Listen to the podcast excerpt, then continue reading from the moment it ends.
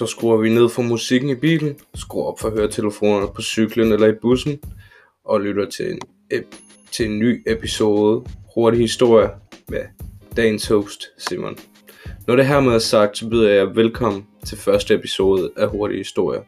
Det er din ny podcast channel, hvor du kan få noget hurtig verdenshistorie på farten. Dagens episode handler om Berlinmuren, Kubakrisen og dens ligheder. Og som det sidste skal vi snakke om Danmarks rolle i den kolde krig.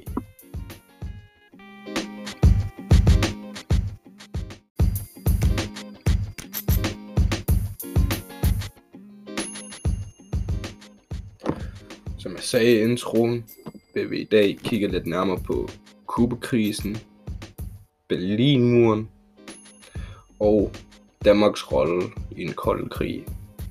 Men først skal vi jo vide lidt om, hvad den kolde krig egentlig er for en episode i verdenshistorien. Den kolde krig opstod umiddelbart efter 2. verdenskrig, men det er ikke, som sådan ikke en krig mellem to lande, men det er mere et våbenkampløb mellem to store magter. På den ene side har vi USA, som støtter hele den vestlige del af verden, altså for eksempel Vesteuropa, sådan noget som Frankrig, Storbritannien, Danmark. Og så på den anden side har vi Sovjetunionen, som er den østlige del af verdenen, hvor vi har Rusland, som er den største del af Sovjetunionen, sådan som Polen og Rumænien og hele den østlige blok. Men de to store magter, altså USA og Sovjetunionen, havde et meget stort våbenkampløb. Og når jeg siger våbenkampløb, så mener jeg øh, kampløb om, hvem der havde flest atomvåben. Og når jeg siger atomvåben, så mener jeg altså atombomber. Og på det tidspunkt i verdenen havde man nok atombomber til at kunne sprænge kloden i luften fem gange. Så vil jeg hoppe videre til at snakke lidt mere og snakke lidt om Kubakrisen. Og Kubakrisen er betegnelsen for de 13 dage i oktober 1962, hvor USA og Sovjet gensidigt fremsatte trusler om at anvende atomvåben som nær nødvendighed.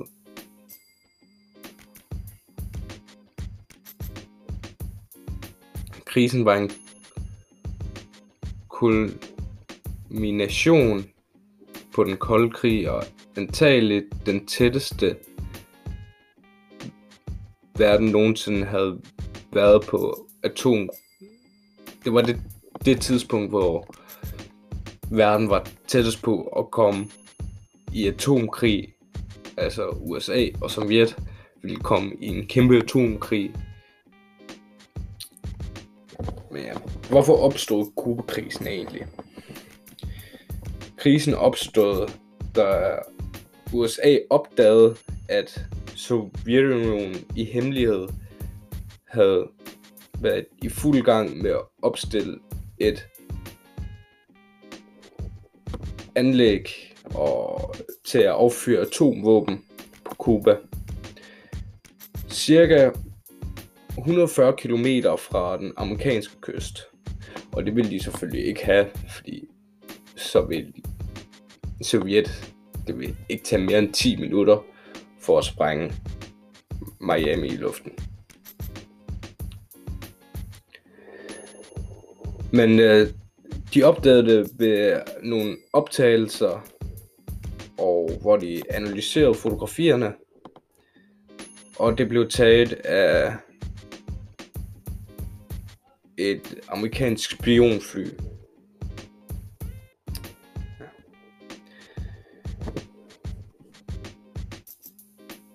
Og så vil jeg snakke lidt mere om Berlinmuren og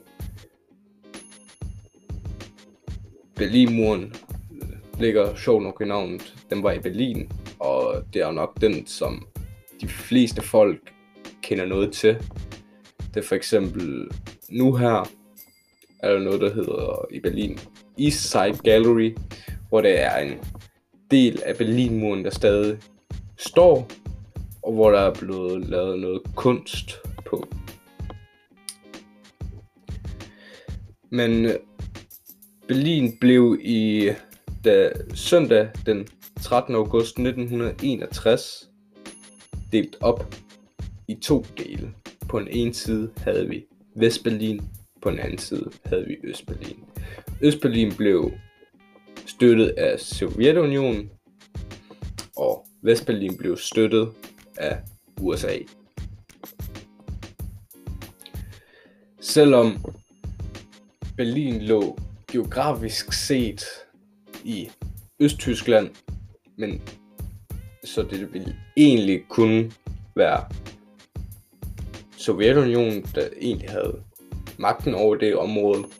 Men Berlin er jo hovedstaden i Tyskland, så derfor er man blevet delt op i to. Så begge havde en del af hovedstaden, som de kunne bestemme over. Men øh, Berlinmuren var 45,1 km lang. Var en 45,1 km lang betonmur, som var hele vejen rundt om Vestberlin, sådan for at lukke Vestberlin inde.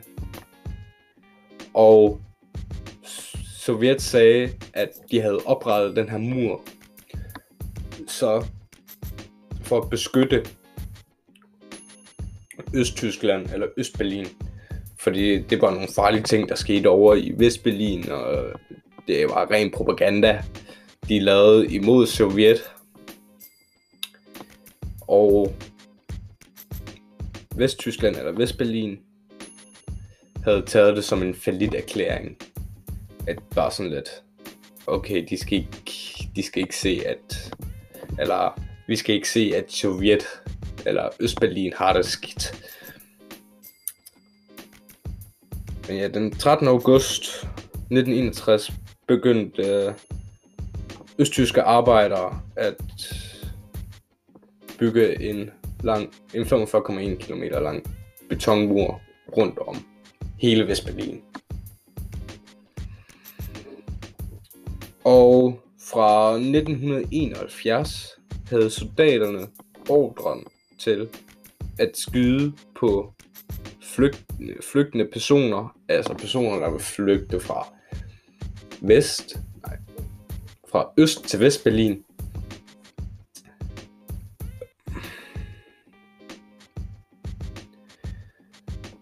Så der var en imellem Øst- og Vestberlin var der eller imellem muren var der en stor zone, hvor der både var lagt øhm, nogle fælder og nogle sprængstoffer, og muren blev døgnet rundt bevogtet fra den 13. august 1961 til den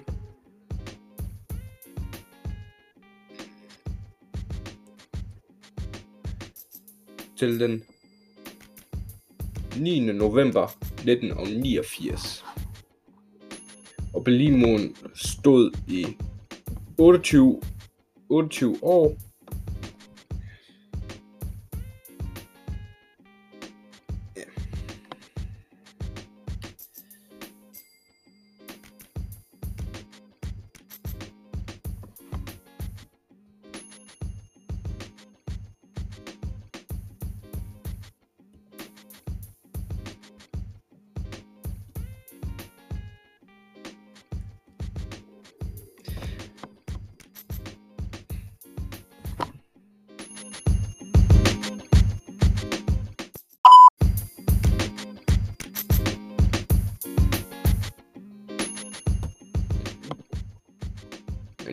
her til sidst vil jeg snakke lidt om Danmarks rolle i den kolde krig. Og Danmark ville egentlig gerne være neutrale under den kolde krig, for de ville ikke have ballade med enten USA eller Sovjet.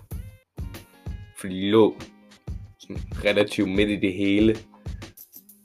Uh, hele den slagmark, der var på det tidspunkt.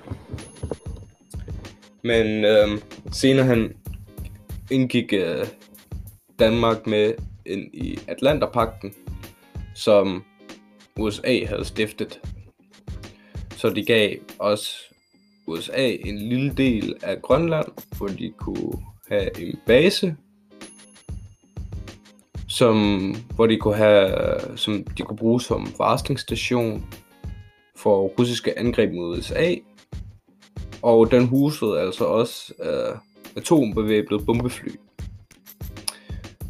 Så om vi kan snakke om, at Danmark var neutral i løbet af hele den kolde krig, det kan diskuteres. For de valgte jo side på et tidspunkt. Men de ville ikke have noget med det at gøre. Fordi sådan, Grønland var jo ikke tæt. Det var, er egentlig en del af Danmark. Men på det tidspunkt sagde man sådan, okay, det er teknisk set ikke en del af Danmark. Vi vil ikke være så hårdt ramt, hvis de bombede Grønland. Men ja, jeg vil sige tak for den her gang i Hurtig Historie. Og vi ses nok en anden god gang til en ny episode af Hurtig Historie. Jeg håber, I får en god dag eller aften derude. Og vi ses meget snart.